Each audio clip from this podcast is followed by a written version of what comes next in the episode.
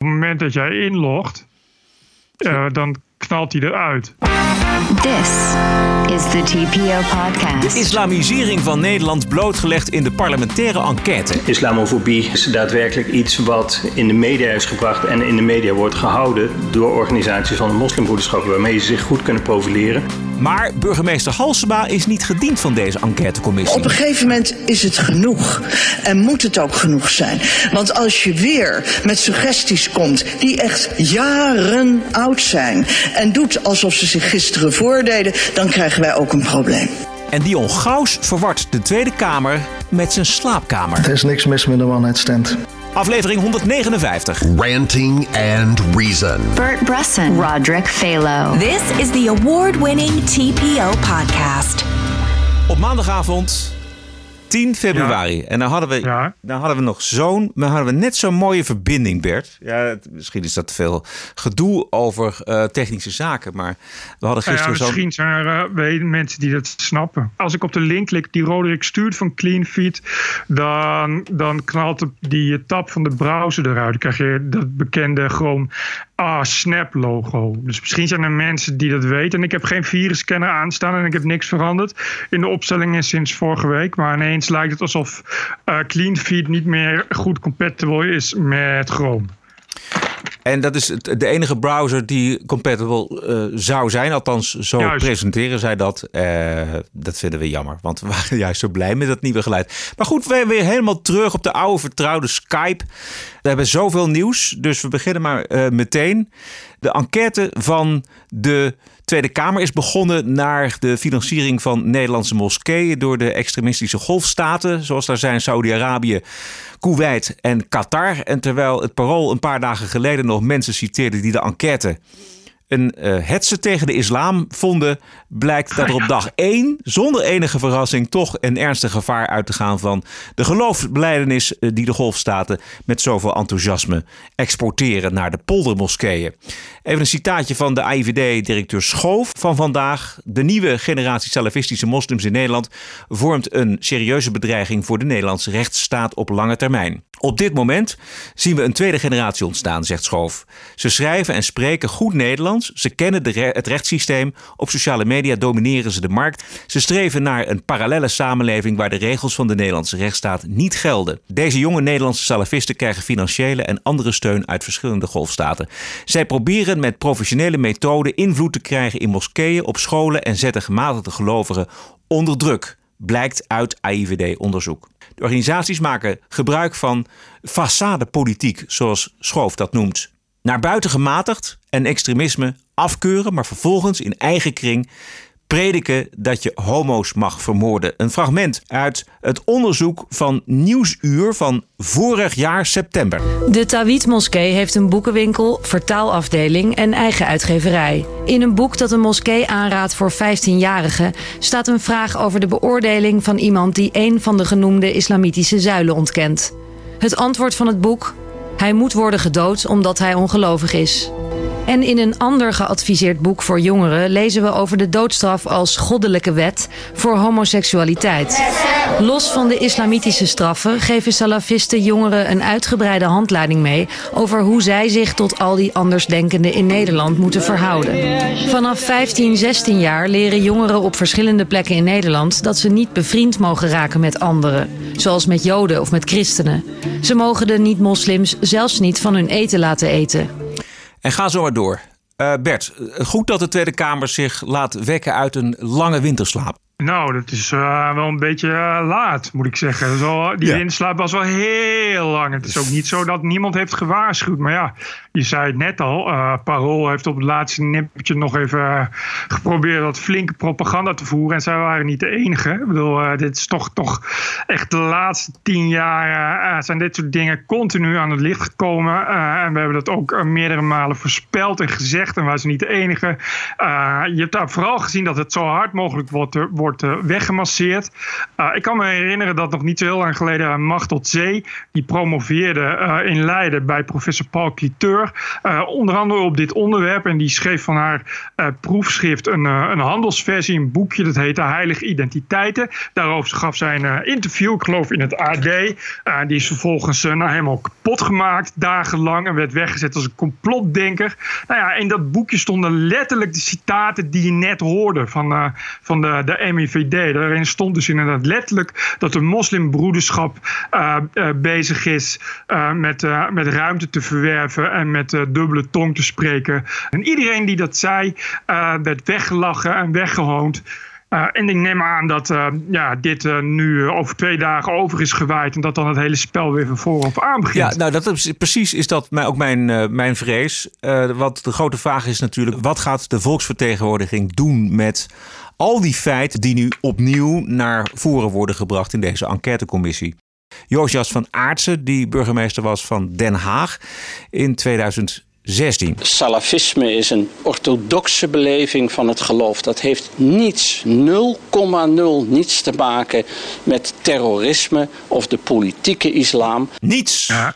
Het is echt verschrikkelijk om dit te horen. Zelfs, zelfs ook al weet je dat het van aardse is in, in, in retrospectief. Het, het, zijn echt de meest verschrikkelijke woorden dat, dat een bestuurder dit zo kan uitspreken, vind ik echt verbijsterend. Verbijsterend. Dit is echt hetzelfde als zeggen dat de aarde plat is.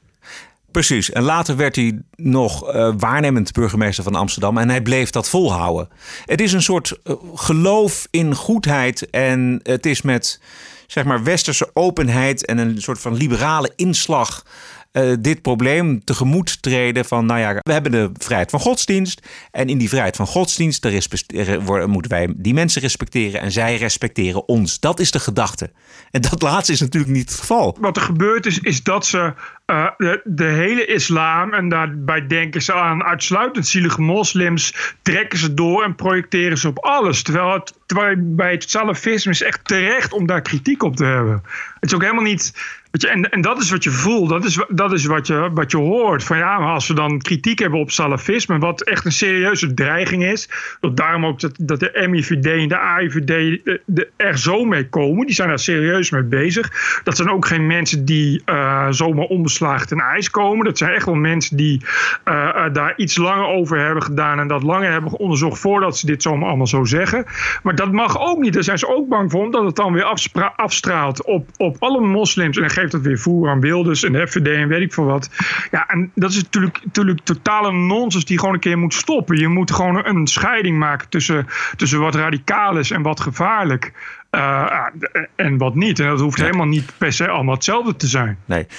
Als er één groep in Nederland en in Europa te lijden heeft, dan zijn het de gematigde moslims. Want die worden namelijk eruit gekikt bij die moslims in Amsterdam bijvoorbeeld. Ronald Sandé, hij was vroeger van de MIVD. Over het moslimbroederschap. Over het algemeen uh, moet, je, moet je dus daadwerkelijk zien dat ze proberen een, een invloed te verwerven waarbij ze uh, binnen de moslimgemeenschappen het voor het zeggen hebben. Ze creëren uh, in, in de overlegorganen met overheden zie je dat de moslimbroeders altijd eloquent zijn. Het zijn hoogopgeleide mensen. Uh, ze spreken altijd de taal van het land waarin ze zijn, waardoor ze al een direct uh, door, de, door de bureaucratie gezien worden als ideale partners, want het zijn mensen met wie je tenminste kunt praten. Wat ze op dat moment wel willen, is dat ze toch voor een deel anti-integratief zijn. Uh, je ziet heel duidelijk bij de moslimbroederschap, de, de hijab is een, is een belangrijk punt voor ze, dat vrouwen de sluier dragen. Um, je ziet ook daadwerkelijk dat ze heel nauw de sharia willen laten volgen door, door hun volgelingen. Um, islamofobie, uh, het is niet iets dat het niet bestaat. Maar het is daadwerkelijk iets wat in de media is gebracht en in de media wordt gehouden door organisaties van de moslimbroederschap, waarmee ze zich goed kunnen profileren.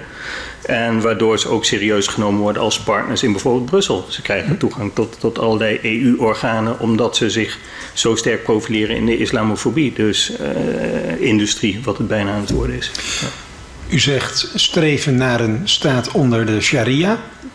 Is dat hetzelfde als streven naar een islamitische staat? mits we de islamitische staat, de terreurorganisatie, daar buiten houden.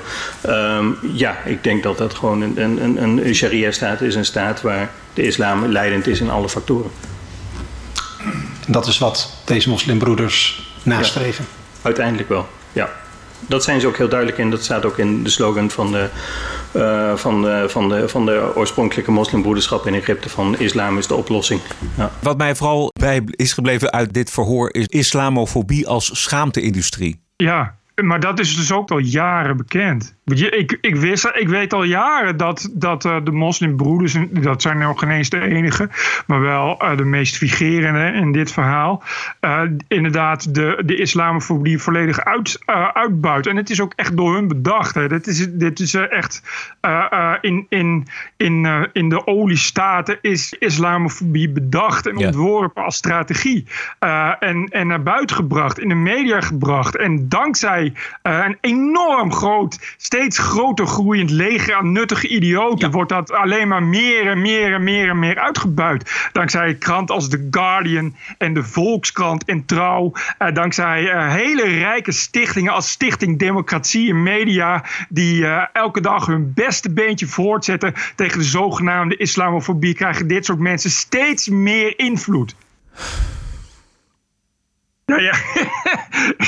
ja maar Bert, het is zo. Maar, Zucht maar, maar. Kijk, weet je, het, het, ik word, uh, aan de ene kant hoor ik voortdurend de herhaling. In mezelf, in jou, in de enquêtecommissie. We hebben het er al heel vaak over gehad. Het is voor ons gesneden koek. Sinds Macht tot Zee weten wij dat allemaal. De Macht tot Zee ook nog wel. We weten ook wat de reactie is van al die mensen die daar niks van willen weten. En ons, uh, Macht tot Zee, iedereen die kritiek uit op de islam, die worden dan in de racistische hoek geduwd. Yep. En het zijn inderdaad nuttige idioten. Ja, heel erg. Maar dat is dus het erge. Wie hebt het hier over een stroming die, die antidemocratie gezind is. Die, eh, die alles wat ze doen uh, als strategie doen. Dit, ja. dit, is gewoon, dit is gewoon oorlogsvoering. Weet je, dit is opnieuw communisme, waar ook zo dapper weer gebruik van werd gemaakt. Van een nuttig idioot. Het is precies hetzelfde. Elke keer als er weer de rode loper wordt uitgerold uh, voor, de, voor de radicale islam. Door al die linkse idioten. Elke keer weer staan daar uh, in, in Wahhabistische landen. In Egypte staan daar moslims en moslimbroeders in hun handen te wrijven en te grijnzen. En vertellen elkaar hoe handig en makkelijk het toch is dat die laffe kliek in Nederland en in het Westen, dat zogenaamde tolerante Westen, toch elke keer maar weer bukt en dat je daar zo makkelijk overheen kan lopen. Weet je? En dat, dat kun je niet vaak genoeg vertellen. En, en terwijl als je dit hoort, als je net die Sandé hoort, dat is niet iemand die, die zoals ik hoor, uh, um, die daar dan nog voorzichtig over moet. Hij was wel echt heel vrij duidelijk. Ik denk dat uh, die salafistische organisaties en het moslimbroederschap in het Midden-Oosten in het Nederlands kunnen spellen godsdienstvrijheid. Vooral dat. Weet je, het is dus ook zo dat de, de invloed van de moslimbroeders op de Blauwe Moskee in Amsterdam heel groot blijkt te zijn. Ja. En dat is die moskee waar we nog niet zo heel lang geleden aandacht aan hebben besteed. Omdat daar die leuke bruggenbouwende imam El Fokani het heel belangrijk vond dat er voortaan versterkt op vrijdag de azaan mag klinken. En wie er tegen is, uh, is toch een beetje aan het discrimineren en aan het islamofobisch zijn. En mevrouw Femke Halsema heeft gezegd dat ze daar niets tegen kan doen, omdat het moslimvrijheid is. Of dat het uh, uh, godsdienstvrijheid is. Ja. En dat is dus een moskee die dus onder invloed staat van de salafistische moslimbroeders. Ik herhaal het nog maar een keer. Ik herhaal het nog maar een keer en ik herhaal het nog maar een keer. En ik ben bang dat we het de komende tijd nog heel lang kunnen gaan herhalen. Nee. Omdat ze het niet willen horen. En dat ze het niet willen horen, dat maakte Halsema een tijdje geleden nog heel erg duidelijk. Er zijn eindeloos onderzoeken gedaan, ook naar wat er mis is gegaan. Bijvoorbeeld rond de grijze campagne. Die is afgesloten. Dat is extern onderzocht en daarmee is daar ook gewoon een grens gesteld. Wil dat zeggen dat er nergens zorgen over zijn? Natuurlijk zijn die er. Bijvoorbeeld rond de zondagsscholen. Daar zijn we mee bezig. Want ik zit als een bok op de haverkist als het gaat om radicalisering. Ik vind altijd dat dat aandacht verdient. Dus die geef ik ook. Maar om eindeloos suggesties te gaan bespreken die in raadsvergaderingen, in raadsvragen, in onderzoeken van de ombudsman zijn onderzocht en opnieuw onderzocht en beantwoord zijn, maar dan weer als suggesties, alsof ze nu spelen, um, uh, te beantwoorden. Op een gegeven moment is het genoeg en moet het ook genoeg zijn. Want als je weer met suggesties komt die echt jaren oud zijn en doet alsof ze zich gisteren voordeden, dan krijgen wij ook een probleem. Dit is uh, het antwoord van Halsema op, op, op uh, dit tijd geleden Annabel Nannega, die daar inderdaad raadsvraag over stelde. Uh, voor de duidelijkheid. Ja. En, en Halsema die ja, kon dat gewoon duidelijk hoorbaar gewoon niet meer aan. Nee. Die echt zich kapot, want die hoort de hele tijd waarheden die ze niet wil horen. En vandaag, uh, zie daar, uh, de waarheden die dus Annabel Nannega al, al tien jaar schrijft... Uh, en, en sinds korte tijd benoemd in de raad. En die dus inderdaad uh, worden wegge, weggebuift en weggevaagd. Uh, en die dus toch heel gek gewoon weer waar blijken te zijn. Het is natuurlijk raar dat uh, Halsema als een bok op de havenkist zit. Maar terwijl ze als een bok op die havenkist zit... wordt die havenkist onder haar gewoon leeggefroten. Uh, ja. Waar ze helemaal niets van ziet of helemaal niets van hoort. En dat vind ik wel heel raar. Ja als een bok op de havenkist zitten, maar eigenlijk er schoon genoeg van hebben. Er, er niet meer Precies. over willen praten. Nog eventjes over de islamofobie als schaamte-industrie. Uh, in de, het, het, stukje van uh, Ronald Sandé van de MIVD uh, voorheen. Uh, gisteren op de Britse radio, uh, LBC, uh, de moslim Majid Nawaz over de vrijheid van godsdienst en het gebruik van de term islamofobie. It's almost impossible to escape this problem of being accused of being Islamophobic because you've said something that a religious Muslim deems as blasphemous. And for the life of me, whether it's the Charlie Hebdo attacks or beyond that, the importance of free speech, which is coming under increased pressure in universities, we must never allow for our government to adopt neither the word nor the definition that in any way lends credence to this idea that blasphemy is racist. And let me explain why. There's a huge difference between being uh, critical of an idea and critical of a person because of either their religious or racial identity. So I have a maxim that helps us understand this. When I say no idea should be above scrutiny, just as no person should be beneath dignity. In other words, scrutinize any idea all you like. Just don't pick on individual people.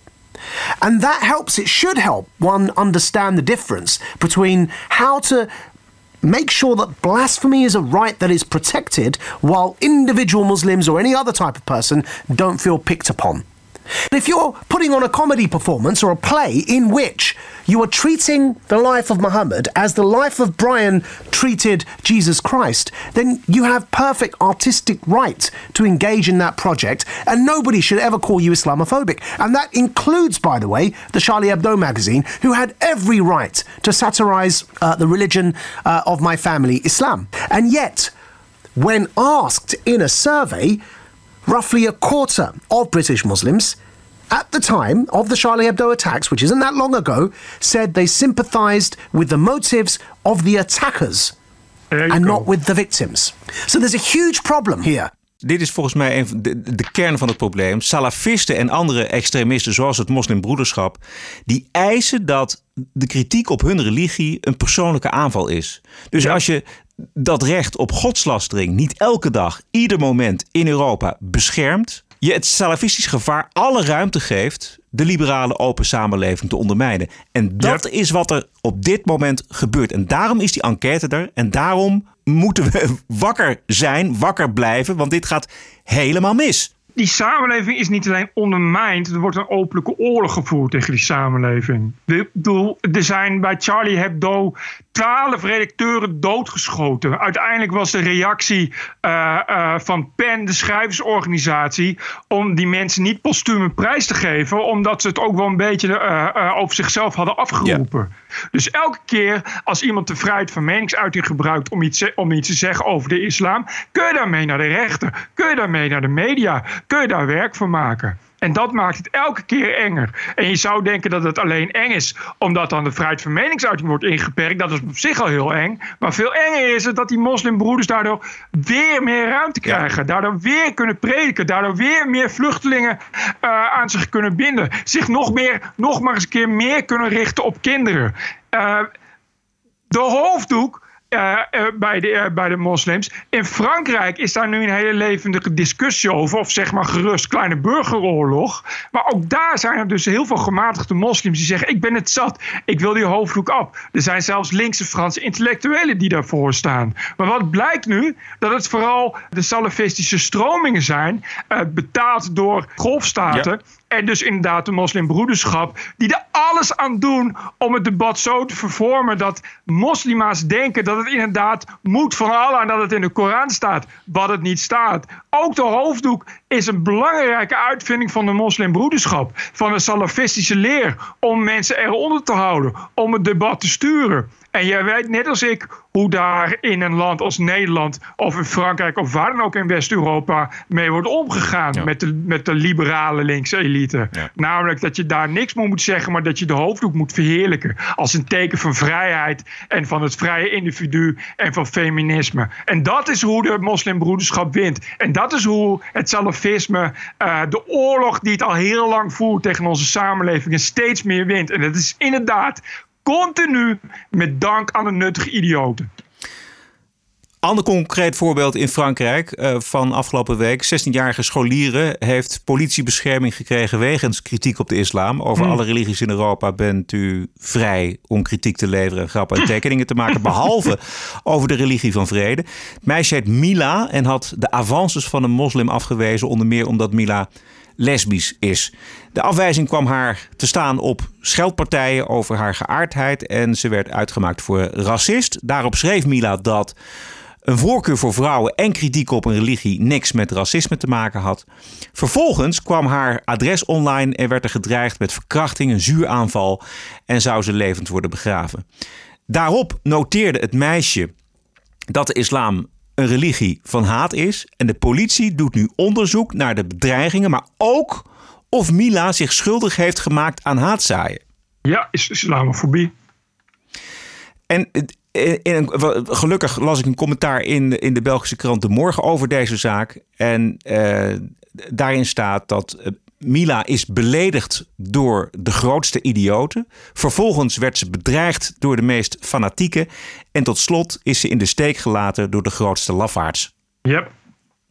En dat notabene in Frankrijk. Na Charlie Hebdo en na Bataclan.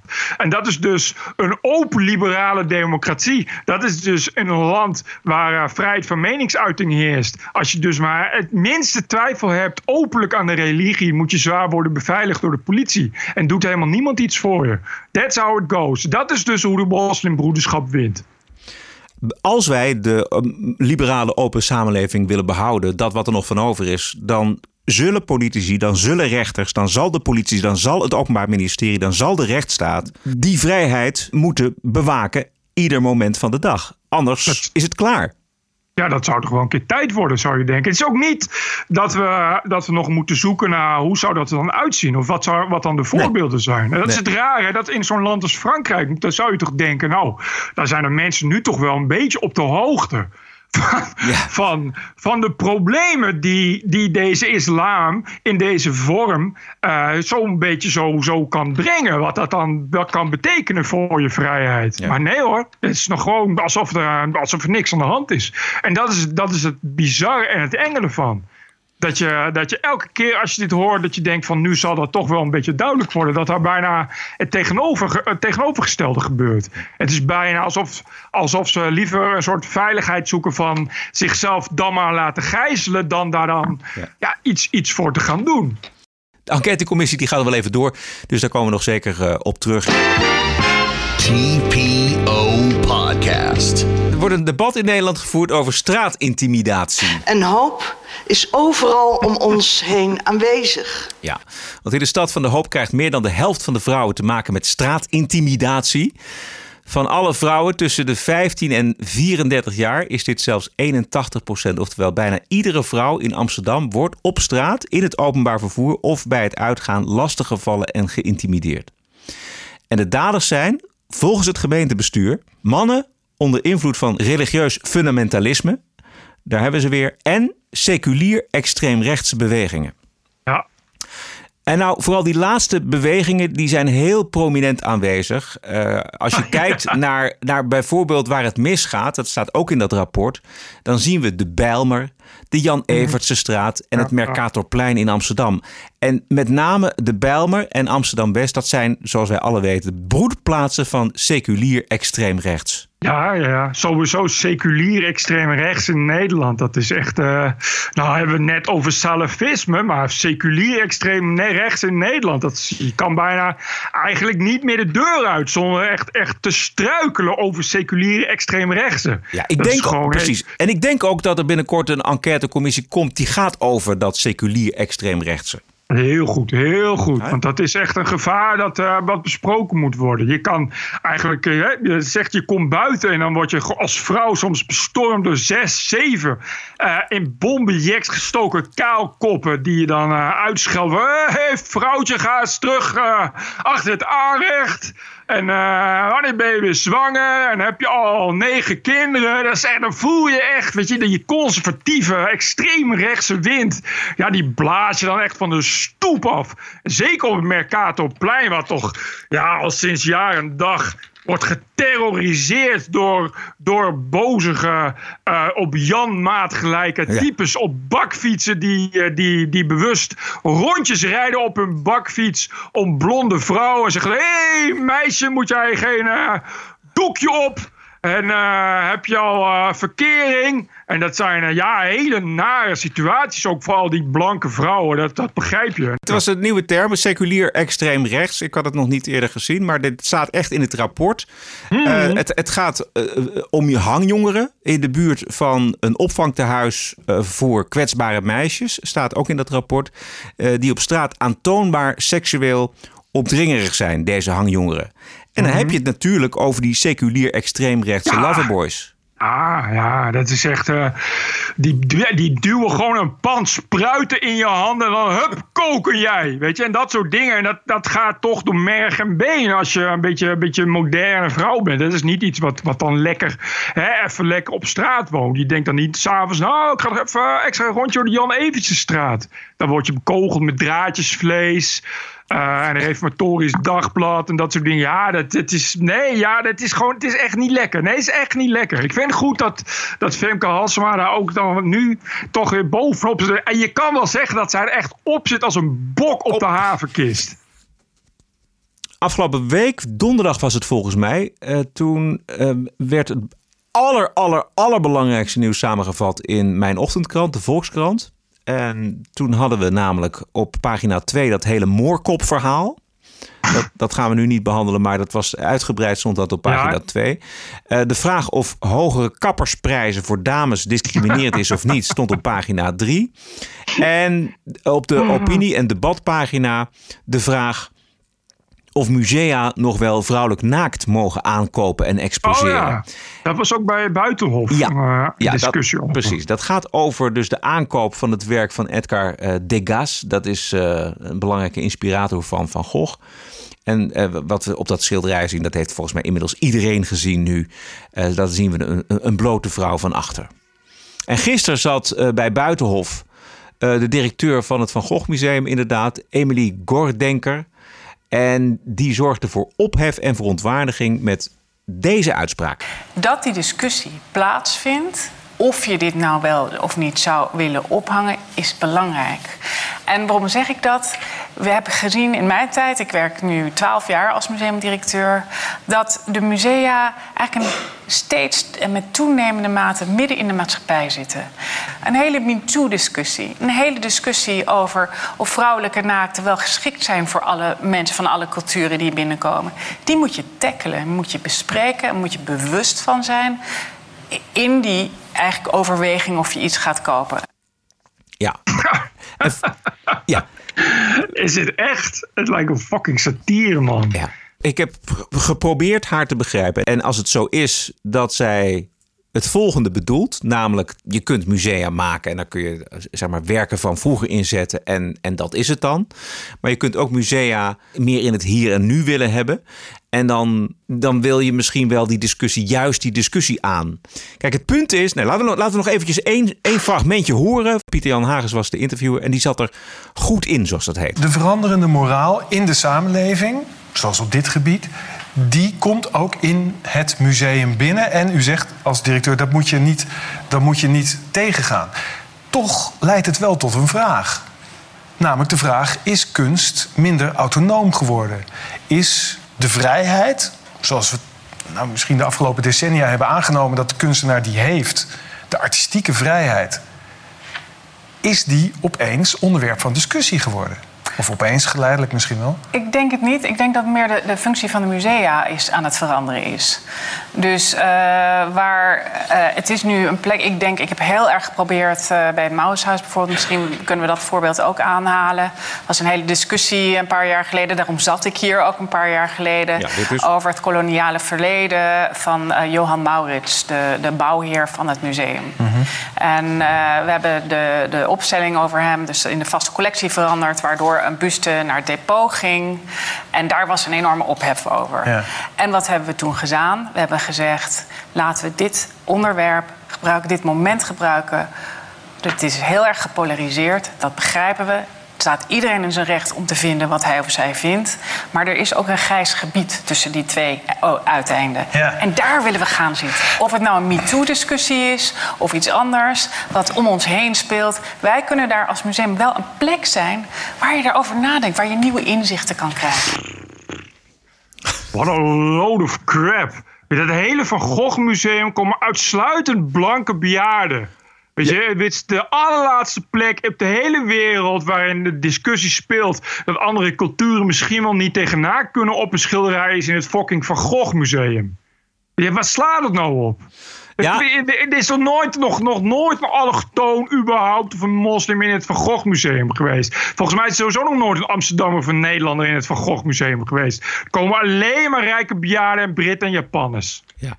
Je kunt dus twee posities innemen. Je kunt zeggen wat zij zegt. Ik wil meeliften op alle reuring die er is. En ik, dat genereert alleen maar meer eh, publiciteit voor mijn museum. En misschien dat er dan meer mensen op afkomen. Ik denk dat, weet je, dat dat erachter zit bij haar. Of je zegt, ja, wacht even. Waarom zouden we eigenlijk met de ogen van nu, hè, de, de, de MeToo-ogen van nu, kijken naar een schilderij uit 1886? Wat is daar relevant aan? Je bekijkt ook de aardappeleders van Van, van Gogh, bekijk je niet met de ogen van nu die, je, je verplaatst je toch in die situatie en in de schilder van toen en hoe die het gezien heeft. Dat is volgens mij het mooie van, van zo'n schilderij.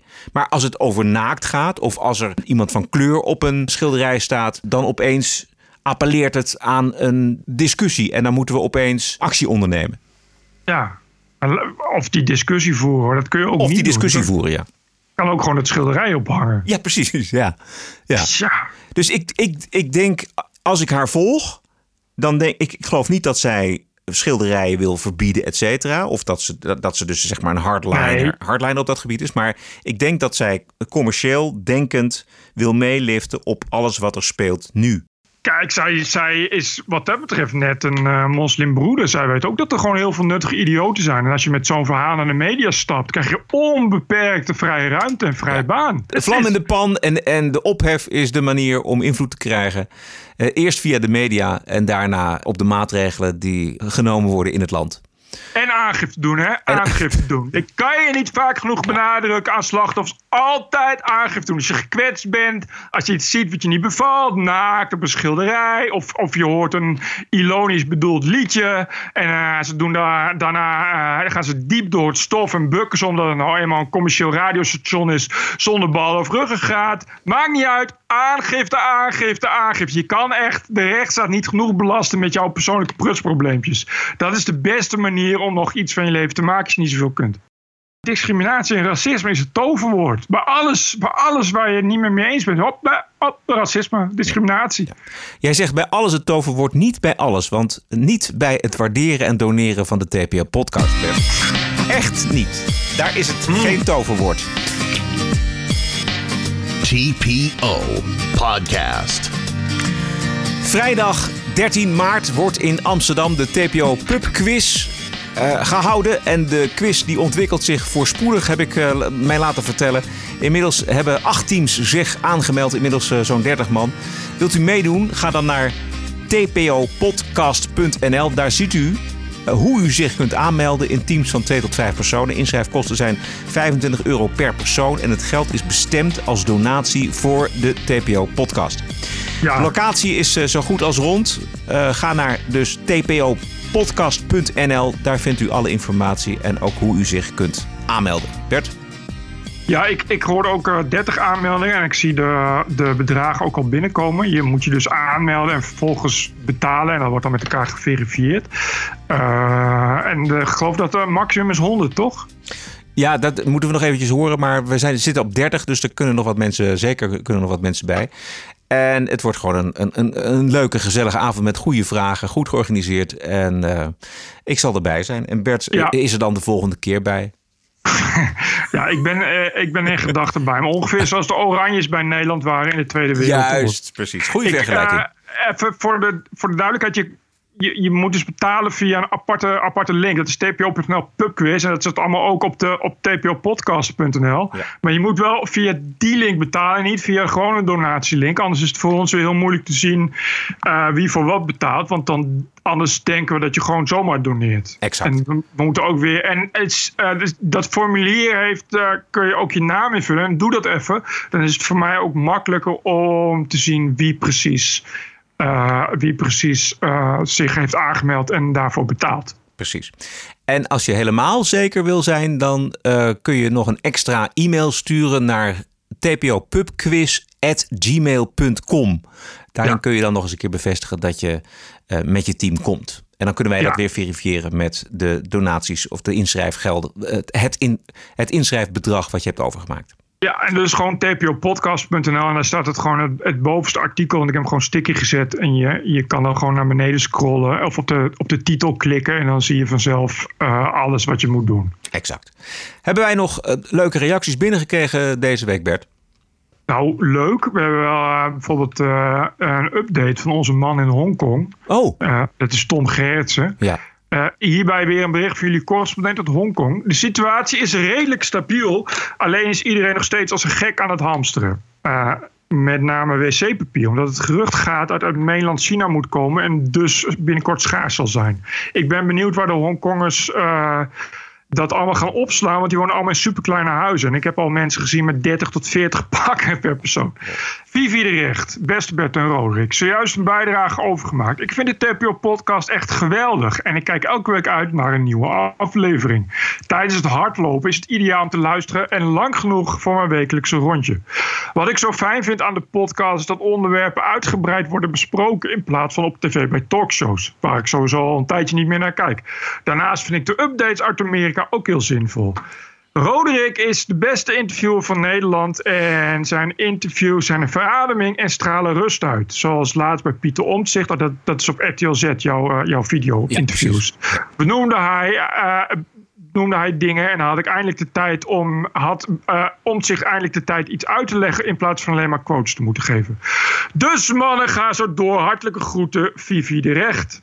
Dankjewel, Vivi. Ik heb er nog twee. Leuk. Eh, Hugo. Even kijken, Hugo van Ursen. Dit is wel een heel lang verhaal. Ik zou even, eh, beste Bert en Roderick, eh, zoeken naar mediabronnen anders dan de geëikte Nederlandse kranten, televisieprogramma's en websites, ben ik nu al langere tijd gebruiker van podcasts. Ik ben begin 40, heb twee relevante studies afgerond, vader van twee en man van één, werkzaam voor een internationaal bedrijf waarvoor ik veel moet reizen en ik ben politiek rechts van het midden. Vorige week betrapte ik mezelf erop dat ik langere tijd verschillende podcasts geprobeerd heb, maar dat er maar twee relevant lijken. Die van jullie, van Wie het Duk en die van jullie. Dit was de laatste. Oké. Wilt u ondersteuner worden van de TPO-podcast? Dat kan met ideeën en suggesties. Mailen kan naar info.tpo.nl. En een financiële ondersteuning stellen wij op hoge prijs. Waarderen en doneren kan op tpo.nl slash podcast. TPO Podcast.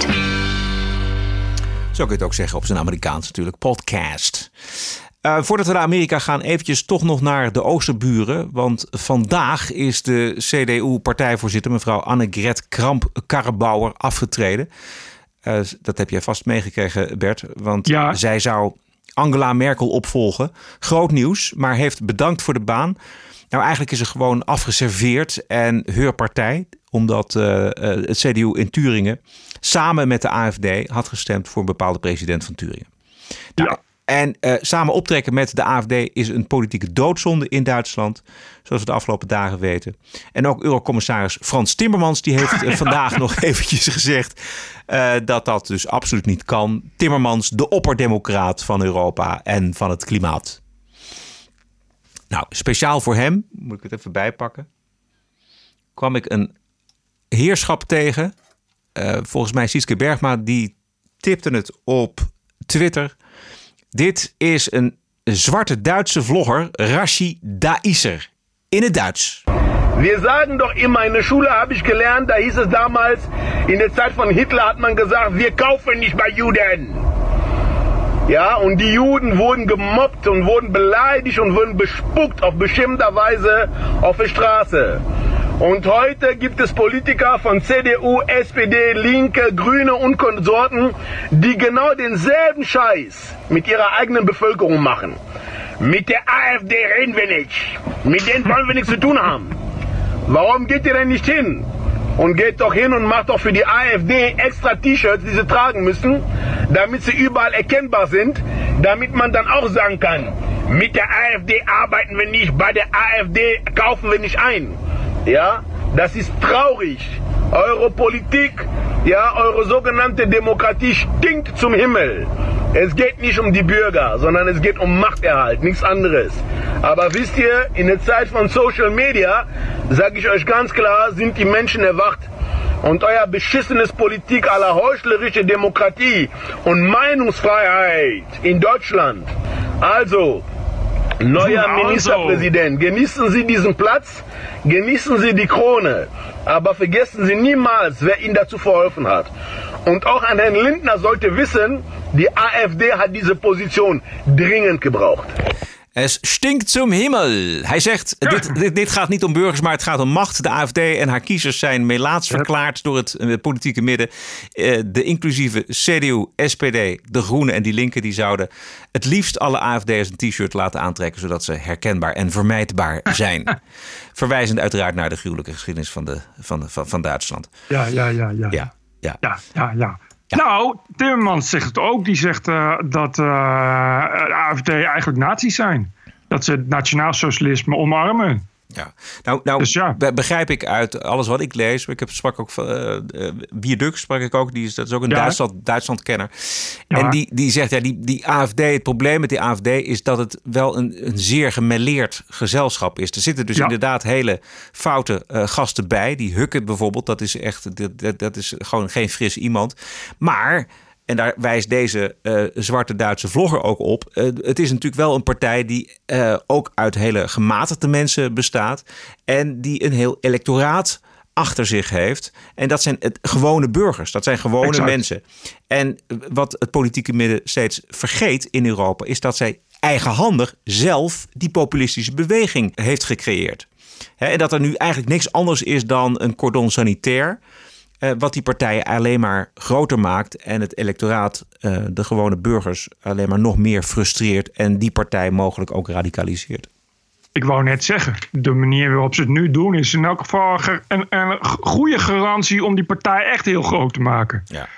Ja. Dus je kan niet echt zeggen dat ze daar ook maar iets van hebben geleerd. Niets. Wat, wat toch, echt, toch echt bizar is. Ja. Over de gematigde afdeling. Uh, er is een afdeling Berlijn. Georg Pasderski op de Duitse TV. Luister even. Ich kann den Herrn nur zurufen, willkommen in der Demokratie. So sieht das aus. Und offensichtlich ist für Thüringen eine bürgerliche Koalition oder zumindest ein bürgerliches Bündnis ist wichtiger, als beispielsweise den eigenen Kandidaten zu wählen. Denn wir haben gesehen, dass Herr äh, Ramelow in den letzten fünf Jahren so gut wie nichts erreicht hat in Thüringen. Wir dürfen ja nicht vergessen. Fast jeder vierte Thüringer Wähler hat AfD gewählt. Und was man jetzt tut, ist, man versucht jetzt ein Viertel der Wähler in Thüringen, versucht man auszugrenzen nach Motto, mit denen wollen wir gar nichts zu tun haben. Was ist das für ein demokratisches Verständnis? Het Het gaat dus om een, een vierde van het electoraat dat buiten de deur wordt gehouden. Yep. Ik moet heel eerlijk zeggen dat ik nou niet uh, 100% zeker weet hoe je daar met die partij moet omgaan. In Turingen, ja, kijk, die, die FVD-leider in Turingen is inderdaad een, uh, iemand met een neonazi-verleden. Uh, dat is niet, niet zo'n hele frisse jongen. Maar wat doe je dan? Wat doe je daarmee dan, Bert? Dat, dat vind ik dan wel een probleem. Weet je, wat, wat doe je ja. met, met een partij waar die bestaat uit redelijken en uit gematigden en uit normale Duitse burgers, maar dat dit soort figuren toch ook hoog in die partij zitten. Ja, dat is natuurlijk, natuurlijk is dat lastig. Maar ik vind, kijk, je, moet een partij afrekenen op waar die partij voor staat. En uh, ja, kijk, dit hoort er dus bij in de democratie. Dit is wat je krijgt. This is what you get. En, en het is niet zo dat uh, in Duitsland op links geen, uh, geen onfrisse types zitten, zou ik maar zeggen. Dus. Weet je, en daar hoor je niemand over. Dus, dus dat is dan natuurlijk raar. Hè? Dan moet je inderdaad Selectief. zeggen. Nou, ja, dat is natuurlijk heel selectief. En kijk, ja, je moet dus inderdaad. Luister eerst naar de wil van het volk. En als je gaat zeggen dat je daar per se niet mee samen wilt werken, dan maak je het er in elk geval niet beter op. Dat is de beste manier om nog meer van dat soort mensen aan te trekken. Ja, precies. Het, het, dat is wat mij stoort inderdaad. Dat is het negeren van het electoraat wat ze zelf, het ontevreden electoraat wat ze zelf hebben gecreëerd, door het te negeren. He, dat, dat gaat helemaal terug tot aan, uh, want die partij is in de tijd opgericht uh, als protestpartij tegen de euro. Daar is toen die immigratiegolf uit 2015, 2016 overheen gekomen. Ja. En Ja. dat, de, bezwaren daartegen zijn categorisch genegeerd door al die andere partijen, met name door het CDU. Ehm, dus, dus er vindt een heel vuil spel plaats eigenlijk. Weet je, wel? je, hè, je vervreemdt een deel van de kiezers van je. En je verwijst ze tegelijkertijd dat zij afscheid van je genomen hebben. Ja, en bovendien is het vanaf het begin af aan zo. Ik bedoel, die, die AFD is vanaf het begin af aan eh, gedemoniseerd als eh, extreem rechts en nazi. En, eh, en eh, dit hadden we afgesproken dat we dit niet meer wilden. Want ze kwamen in het parlement en dat was een, een unicum. En dat, de Bruinen zitten weer in het Ja. parlement. Terwijl, Vanaf ja, het begin je, eigenlijk, ja. Vanaf het begin af aan. Terwijl vanaf het begin af aan is die partij niet een neonazi-partij geweest of zo. Dat, dat is, ik bedoel, ja, dit, uiteindelijk, uiteindelijk heeft, hebben eh, neonazies en oud-neonazies toch wel meer invloed gekregen. Dat, dat is ook gebeurd sinds die eerste partijleider, die, die Frauke, hoe heet ze, Petri, Petri, ja. daar, daar, daar is weggegaan. Is het toch wel bergafwaarts gegaan. Maar ja, het is niet de hele partij. Kijk, die mensen die erop stemmen, dat zijn natuurlijk geen neonazies. Ja, het, het is een st- strategie van het politieke midden die steeds meer electorale ondersteuning kwijtraakt. Om op deze manier de vijand, de populistische partij, te demoniseren. Dat is een strategie. Exact, dat is dus een strategie. We gaan naar Amerika, Bert, tot slot. Oh, de Oscars? This is us. This is our country. This is CNN breaking news. I believe that the president is literally an existential threat. Stop the hammering out there. Who's got a hammer? Make America great again. New York Times and CNN have also smeared veterans like myself. This video was taken during a heated exchange with an unidentified man who called Cuomo Fredo. Stop the hammering. This is the TPO podcast. News 630 Washington. Ja, er gebeurt eh, hartstikke veel natuurlijk in Amerika. Bert zei het al, de Oscars. We hebben natuurlijk eh, de State of the Union gehad. Eh, we hebben de staat waarin de Democraten zich op dit moment bevinden. Hopelozer is de Democratische Partij volgens mij nog niet geweest. Eh, geen programma, geen leider, geen overtuigende kandidaat om het tegen Trump op te nemen. Zelfs eh, Democraten-fan Van Jones van CNN heeft respect voor de State of the Union van president Trump. What he was saying to African Americans can be effective. You may not like it, but he mentioned HBCUs. Our black colleges have been struggling for a long time. A bunch of them have gone under. Uh, he threw a lifeline to them uh, in real life, in, in his budget. He talked about that. He talked about the criminal justice reform. He talked about opportunity zones. We got to wake up, folks. There's a whole bubble thing that goes on. We say, well, he said S-hole nations, therefore all black people are going to hate him forever. That ain't necessarily so.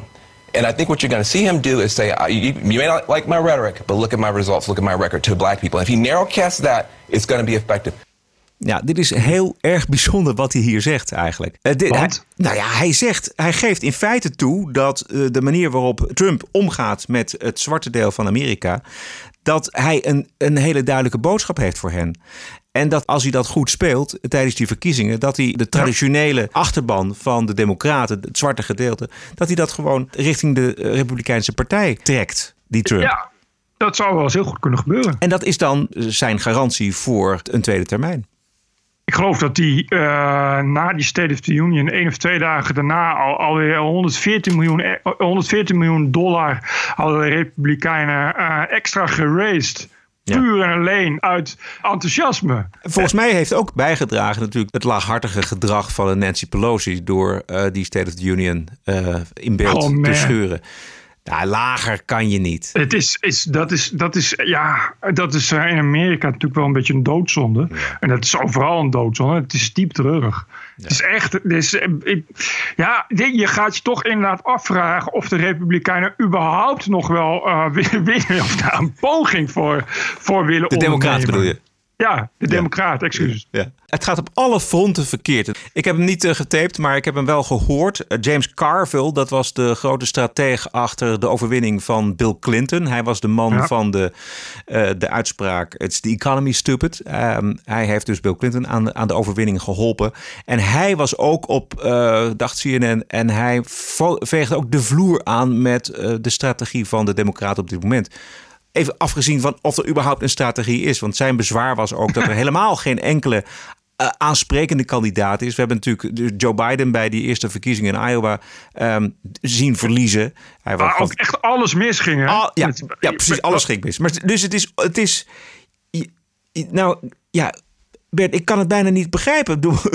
Je hebt je drie jaar de tijd om je te reorganiseren, te revancheren, na te denken over wat ging er mis in 2016. Je, jezelf bij de lurven pakken en denken: oké, dat gaan we dus niet over vier jaar nog een keer doen. We gaan een goede strategie uitzetten. En wat hebben ze in die drie jaar gedaan? Helemaal niks. Nope, het is alleen maar erger gemaakt. Zichzelf kapot gemaakt. Ze hebben zichzelf proberen kapot anderen gemaakt. kapot te maken. Ze hebben, ze hebben zich gestort op, op identiteitspolitiek. Wat, wat natuurlijk tegenovergesteld is van verbinden in de samenleving. We- Die samenleving zoveel mogelijk uit elkaar getrokken. En allemaal redenen voor, eh, voor, voor mensen om op Trump te gaan stemmen. Ehm, we, sluiten af met de bonusquote, Bert. TPO Podcast. Eh, Het gaat om eh, PVV Tweede Kamerlid Dion Gaus. Afgelopen dinsdag eigenlijk een beetje met zijn eigen State of the Union. Dankjewel. Goedenavond, mevrouw de voorzitter. Ik vond het een beetje een, eh, een lastig debat. Trouwens ook een beetje een saaie naam, de groeibrief. Ik kreeg er een beetje spontaan diarree van. Ik vind dat een groeibrief... De- ik had nog, nog gewacht van nogal wiebes. Of de Neder-Wiebe Wiebe Wiebesbrief of zoiets. Of, en eh, ik wilde nog even tegen meneer Wiersma zeggen, je had het over een one-night stand. Nou, ik kan u verzekeren dat er niks beter is dan een one-night stand. Als hij een paar huwelijken achter de rug heeft, dan weet hij er alles vanaf. Dus eh, er is niks mis met een one-night stand. Ehm, Wanneer was dit? Dit was afgelopen week.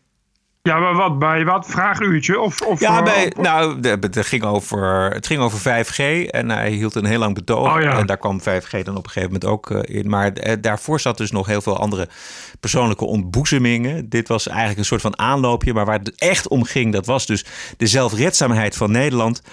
Eh, 5G en goed luisteren. Ik heb gisteren aan zo'n Tupperware avondtafel gezeten. Bij luistert ook niemand. Zijn mensen luisteren niet meer. Ik heb toch niet gezegd in ons uppie. Ik heb juist gezegd, we zijn al eeuwen zijn we de beste handelaren ter wereld. Dat is toch niet in ons uppie? Maar het gaat nu erom dat ik vraag aan deze minister om zoveel mogelijk onafhankelijkheid en zoveel mogelijk autonomie ten behoeve van onze burgers. En zeker als het ook gaat om energiebedrijven, dat dat nooit mogen gebeuren. Maar ook als het gaat om artificial intelligence, als het gaat om die 5G. We zijn te laat.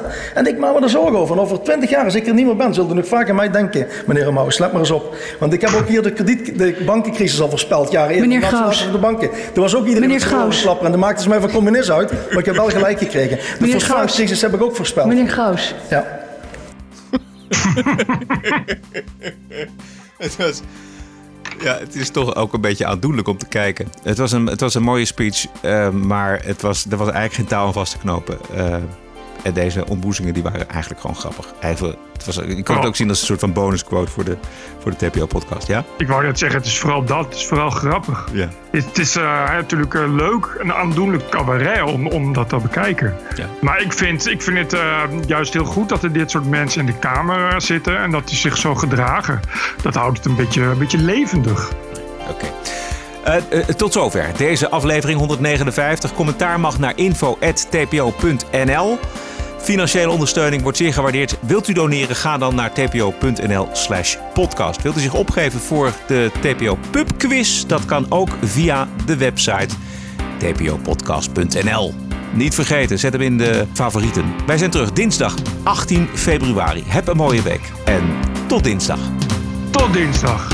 TPO Podcast. Bert Bruson, Roderick Balo, ranting and reason.